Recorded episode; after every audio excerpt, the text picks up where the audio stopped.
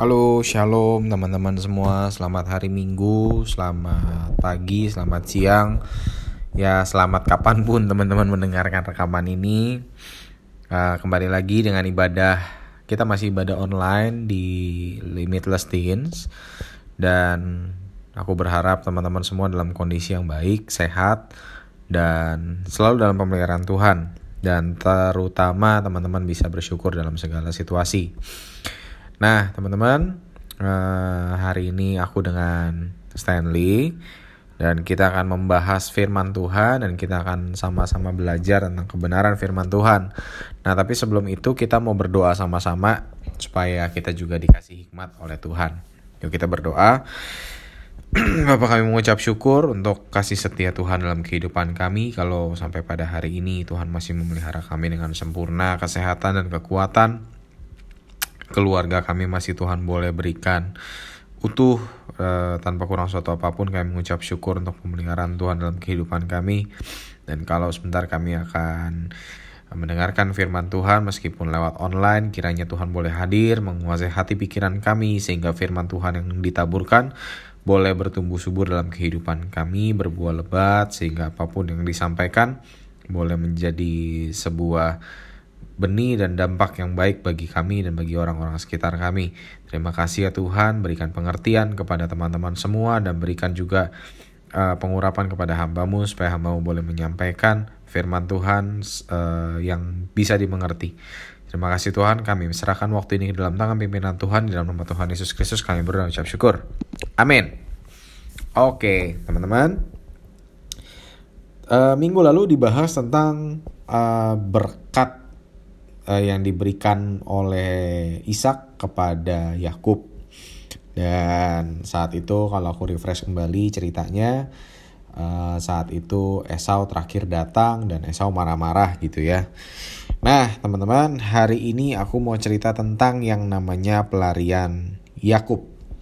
Jadi, teman-teman, setelah Yakub itu menipu Esau uh, dan dia menipu Ishak, teman-teman.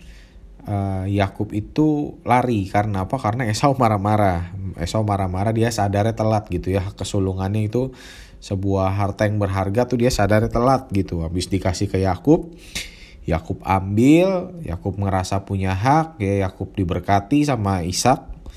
Uh, terus udah gitu uh, udah cabut gitu si Yakubnya. Marah-marah si Esaunya gara-garanya udah nggak ada berkat lagi gitu. Nah teman-teman kita perhatikan sama-sama uh, apa yang Yakub lakukan dan apa yang Yakub terima teman-teman. Uh, kalau kita baca lagi dari kejadian 27 ayat 28 sampai 29. Kita baca ya. Jadi kalau kejadian 27 mungkin teman-teman udah baca minggu lalu. Jadi gini, dari ayat yang ke-27 deh, jangan 28, dari 27. Jadi kejadian 27 ayat 27. Lalu datanglah Yakub dekat-dekat dan diciumnyalah ayahnya. Ketika Ishak mencium bau pakaian Yakub, diberkatilah ia. Jadi Yakub ini lagi pakai pakaiannya Esau nih ceritanya nih. Jadi baunya tuh bau Esau gitu kan. Nah, diberkatilah ia katanya gini, sungguh bau anakku adalah bau padang yang diberkati Tuhan. Allah akan memberikan kepadamu embun dari langit. Berarti itu embun dari langit itu maksudnya berkat-berkat sorgawi turun. Tanah-tanah gemuk di bumi, berkat-berkat dari bumi pun diberikan kepada si Yakub dan gandum serta anggur berlimpah-limpah. Tuh, teman-teman bayangin ya. Berkatnya bukan sekedar cukup tapi berlimpah-limpah.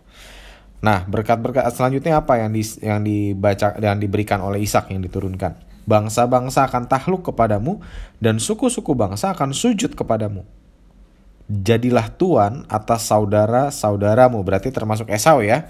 Dan anak-anak ibumu akan sujud kepadamu. Ya. Nah, Ishak punya anak Esau dan Yakub. Nah, anak-anak ibunya sujud kepada Yakub. Esau sujud kepada Yakub. Siapa yang mengutuk engkau, terkutuklah ia. Dan siapa yang memberkati engkau, diberkatilah ia. Nah, teman-teman lihat. Kejadian 27 sebelum Yakub melakukan pelarian, berkat dari Ishak turun kepada Yakub setelah Ishak berdoa. Nah, saat itu doa seorang ayah tuh uh, penting banget teman-teman. Jadi kalau ayah berdoa menurunkan berkat itu karena berkat itu sudah diterima dari Tuhan, nah berkat itu diturunkan kepada anak-anaknya. Nah, Yakub menerima berkat itu. Tapi pertanyaannya, kenapa Yakub hidup dalam pelarian? Nah, saat Yakub hidup dalam pelarian di Kejadian 28 setelah dia mendengar bahwa Esau mengejar-ngejar dia, dia kabur, dia pergi dan hidup dalam pelarian tuh nggak enak teman-teman. Nah di kejadian 28 dijelaskan bahwa Yakub bertemu dengan Tuhan dalam mimpinya. Ya, nah apa mimpinya Yakub?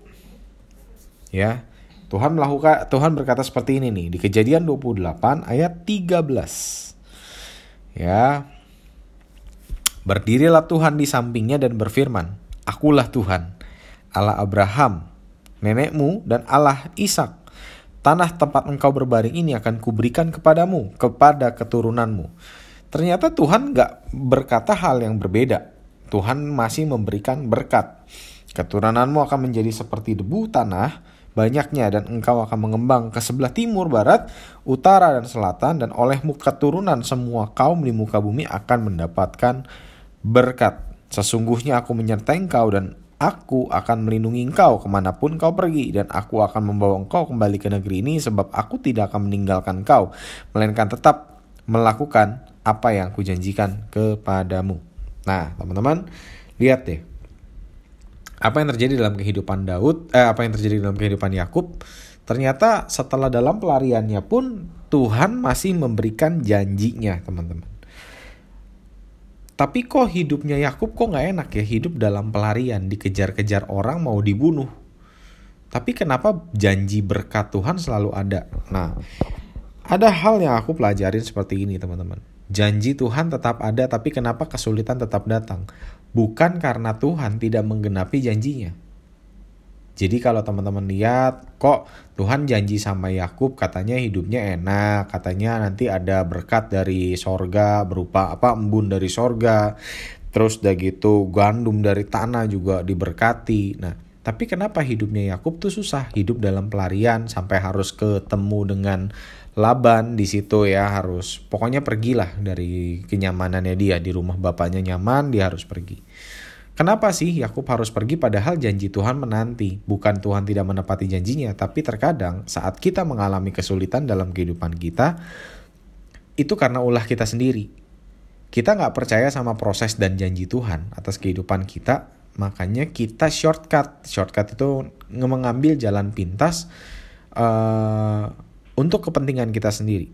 Yakub mengambil jalan pintas untuk menerima berkat yang seharusnya bukan diberikan kepada dia, tapi diberikan kepada Esau. Nah, tapi dia mengambil shortcut, dia mengambil jalan pintas uh, untuk mencapai hal tersebut. Nah, sering kali dalam kehidupan kita juga seperti itu. Kita disuruh belajar, kita dikasih tugas. Supaya apa? Supaya kita berlatih dikasih PR untuk kita berlatih. Tujuannya adalah supaya kita punya kemampuan, supaya skillful, supaya saat terjadi ujian, saat diuji, kita keluar menjadi juara, kita keluar menjadi pemenang, nilai kita bagus. Tapi apa yang sering kita lakukan? Kita nyontek. Udah gitu ketahuan. Jadi bukan sekedar nyontek doang nih, udah nyontek ketahuan. Nilainya hancur apa kita pantas menyalahkan Tuhan untuk semua kondisi itu? Kita bilang bahwa oh katanya percaya Tuhan masa depan penuh harapan. Mana nih? Gini aja nilai hancur nih.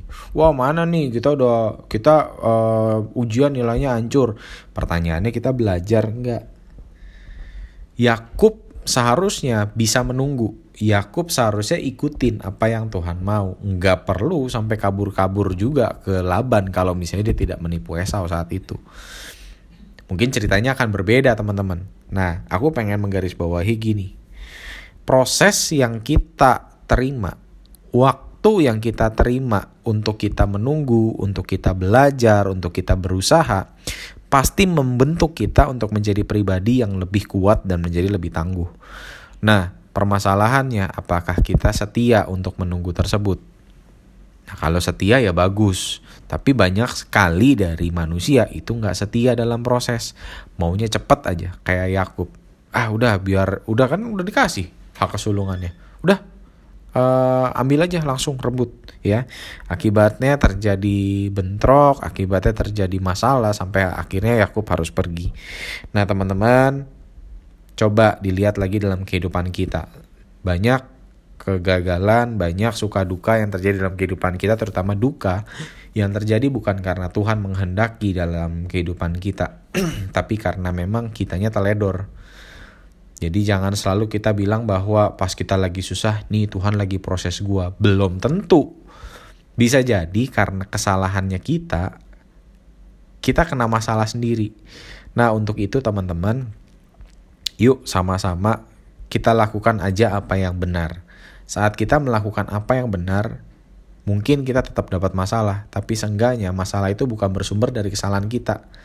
Tapi memang masalah itu ada untuk memproses kehidupan kita lah kok kalau gitu kalau misalnya udah ikutin apa maunya Tuhan terus udah gitu kita tetap dapat masalah buat apa dong kita ikutin Tuhan nah di situ seninya kamu ikut Tuhan itu supaya kamu sempurna seperti yang Tuhan mau dan untuk menuju kesempurnaan itu kamu butuh diproses, kamu butuh kerja keras, kamu butuh uh, ketekunan, ketaatan. Nah, di situlah karakter kamu menjadi sempurna. Di situlah ketekunan kamu menjadi sempurna. Ya teman-teman, jadi hari ini aku pengen menggarisbawahi bahwa bukan berarti kesulitan yang datang dalam kehidupan kita selalu karena Tuhan. Bisa jadi karena kesalahan kita.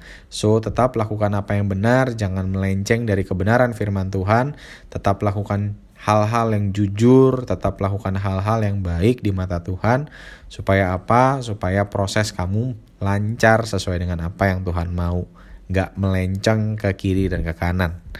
Oke, teman-teman, sampai di sini sharing kita hari ini. Dan aku berharap teman-teman bisa tetap melakukan apa yang benar saat ini meskipun sulit.